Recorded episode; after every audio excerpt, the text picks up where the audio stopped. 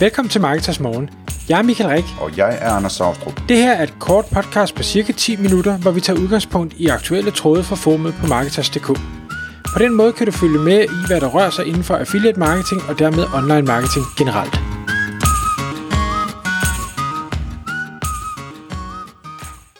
Godmorgen Michael. Godmorgen Anders. Så skal vi igen i gang med Marketers Morgen podcasten. Og i dag der skal vi tale om øh, at bruge andres brands på en smart måde. Og det har noget at gøre med en LinkedIn-post omkring øh, en teltdu og et urfirma, forstår jeg, Michael. Lige præcis. Jeg er kæmpe fan af LinkedIn, og tog derfor en del rundt derinde, og indimellem så falder jeg over nogle, øh, nogle indlæg, hvor jeg tænker, det var, da, det var da smart, eller det var da sjovt, eller det var godt tænkt. Og øh, det var så et af de her tilfælde, hvor en øh, gut, der hedder Thomas Gyvelgaard, øh, eller Gyvelgaard Andersen, øh, fortæller om, hvordan firmaet About Vintage, som er et øh, dansk urbrand, øh, som klarer det rigtig, rigtig godt, øh, hvis det ikke er super gammelt, øh, gør, det, gør det godt og har på en eller anden måde, jeg, jeg ved ikke, hvordan de har kommet i kontakt med men Roskilde Festivalen har jo haft nogle hårde år her med, øh, med corona, og har nu sat sig for åbenbart at udskifte teltduen for orange scene. Og det er jo noget af et, øh, et, et monsterstykke øh, gummidu.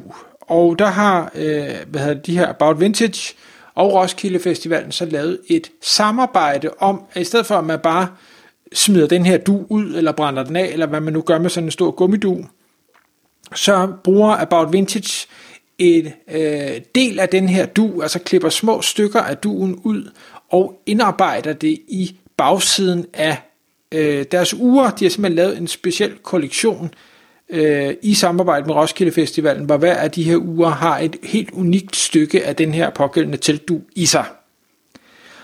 Og det er jo, synes jeg, vanvittigt genialt, fordi Roskilde Festivalen er et stort, kendt, elsket brand af mange. Orange Scene er jo en institution i sig selv. Og hvad hedder det, de har om nogen brug for opmærksomhed måske lige nu. Jeg er ret sikker på, at en del af indtægten fra salg af de her uger går til øh, Roskilde Festivalen også.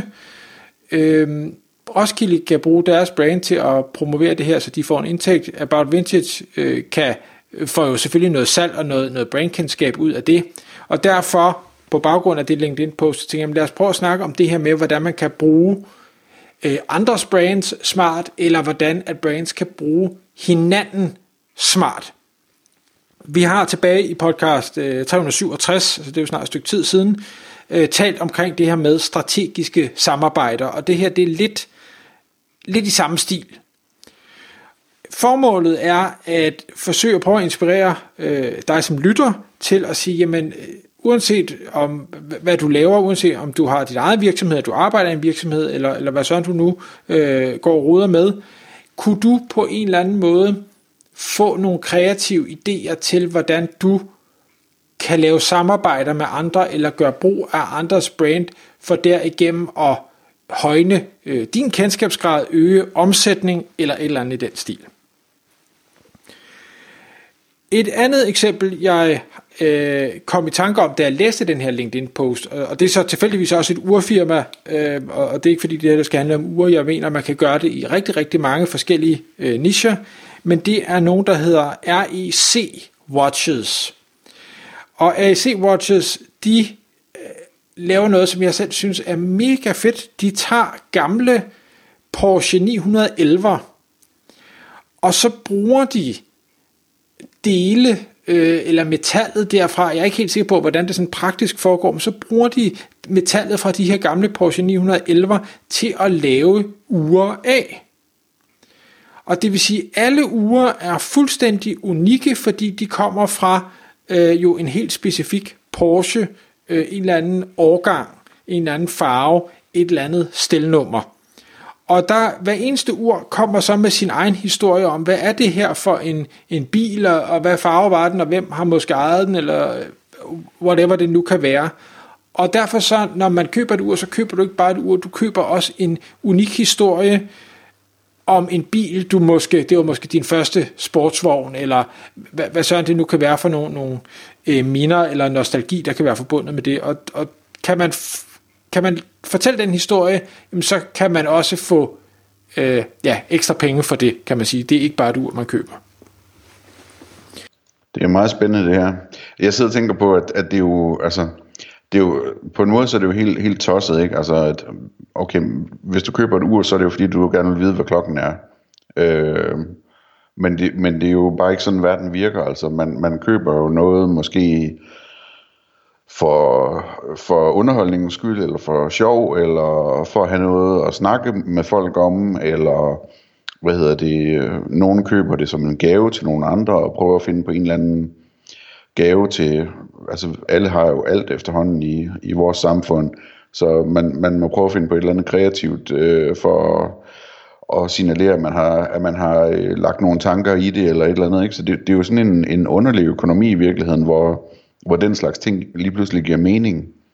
Øh, men det, jeg tænker også, Michael, det minder jo også lidt om sådan merchandising, ikke? altså at øh, jamen, øh, først så laver man nogle Lego-klodser, og så en dag så laver man øh, en, et tøjmærke med Lego på, og det har jo sikkert været en tøjbutik, eller en, en tøjfabrikant, som, som har indgået et samarbejde med Lego om, at de gerne må kalde deres tøj for Lego, ikke? Jo. Øhm, og øh, hvis man laver plastiktallerkener, jamen, så får man lov af Disney til at, at skrive Disney på dem, og, eller øh, tegne prinsesser på dem, eller et eller andet, ikke? Øh, det, det, det er jo lidt over i den stil i virkeligheden, bare på en lidt anderledes måde, fordi at her der er det sådan en fysisk ting, man klipper ud af det og, og bruger i de her uger, ikke? Jo, jo, altså nu, tøjfirmaet, det er jo et godt eksempel. Det, det kan sagtens være, at Lego selv har fået tanken og har fundet et tøjfirma, men det kan også meget vel være et tøjfirma, der siger, hey, det kunne da være fedt at bruge Lego. Og, og, øh, og, og hvad vejen er gået, det ved man ikke, men, men det giver bare god mening. Jeg kan huske en anden en, jeg, jeg følger på, på YouTube. Han siger, jamen, altså, for eksempel et brand som BMW. Igen, øh, vi, vi, det er et stærkt brand. Det er et brand, som har en, en øh, målgruppe og en fanskare, som er, er stor. Den er global, den er pengestærk. Hvorfor laver BMW ikke headphones? Altså hvor du simpelthen har et BMW-logo på de her headphones, det vil se øh, fedt ud, og der er ikke nogen tvivl om, at BMW-fans, de vil købe det. Øh, og, og, og tilsvarende øh, ting. Ja, hvad hedder det? Så, så der er masser af muligheder derude for at lave noget samarbejde med nogle brands, hvor man afviger lidt fra deres kerneforretning, BMW, det er, det er biler. Jeg ved ikke, hvad Samsungs kerneforretning var, men de er jo godt nok også gået ud i mange øh, forskellige ting nu her, stadig øh, inden for elektronik selvfølgelig. Øh, så, så det, det er den ene del, og, men jeg synes stadigvæk den her recycling-del, fordi at, at grøn, øh, hvad det nu hedder, er så meget oppe i tiden, og noget, som man kan få, få ekstra meget presse på, øh, og goodwill på, det, øh, det er også værd at, at tænke over. Jeg, nu kommer jeg selv til at tænke på, jeg har jo købt et, et spisebord for lang tid siden, som er sådan et stort, øh, tungt plankebord, hvor øh, producenten har valgt, og nu der hedder Tors Design, de opkøber havne, der bliver nedlagt. Altså der var jo alle de her færger engang, og så fik vi en bro, og så var der ikke brug for de her færger længere. Så har man nogle havneanlæg, hvor der i de her havneanlæg, der er det beklædt med øh, nogle meget, meget store træsvælder, og de her træsvælder har øh, det her øh, møbelfabrikant så valgt at købe. Altså de køber simpelthen øh, alle de her havneting, og så laver de dem om til, øh, til møbler, blandt andet øh, borer. Og udover at jeg synes, det er et mega fedt bord, øh, jamen så får jeg også en historie med, så når jeg har gæster øh, hjemme til middag, jamen, så kan jeg sige, at det her bord, det er faktisk en del af øh, den gamle Nyborg Havn. Mm. Jeg håber ikke, at de har behandlet de sveller med lige så meget gift som øh, nej, nej det, det, er vist, det, det er et specielt, øh, det hedder vist øh, asobe eller asobe, jeg ved ikke, hvordan man udtaler en, en meget øh, fugtig øh, type 3, som derfor kan tåle at opbevares i vand, så de, uh, umiddelbart er de ikke behandlet med noget. Nå, men det er også ligegyldigt, det er mere for at sige, som du rigtig sagde før, Anders, vi er i en situation nu, hvor folk de øh, har penge og råderum til at købe nogle ting, som ikke kun bliver købt for deres funktion. Jeg kunne have købt et meget billigere bord. Dem, der kører Rolex, de kunne have købt et meget billigere ur. Men man gør det, fordi der følger noget andet med.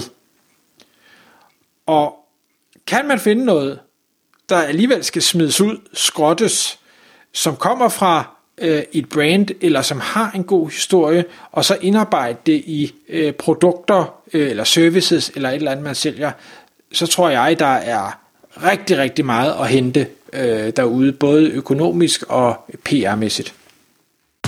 Tak fordi du lyttede med. Vi ville elske at få et ærligt review på iTunes. Hvis du skriver dig op til vores nyhedsbrev på marketers.dk-morgen, får du besked om nye udsendelser i din indbakke.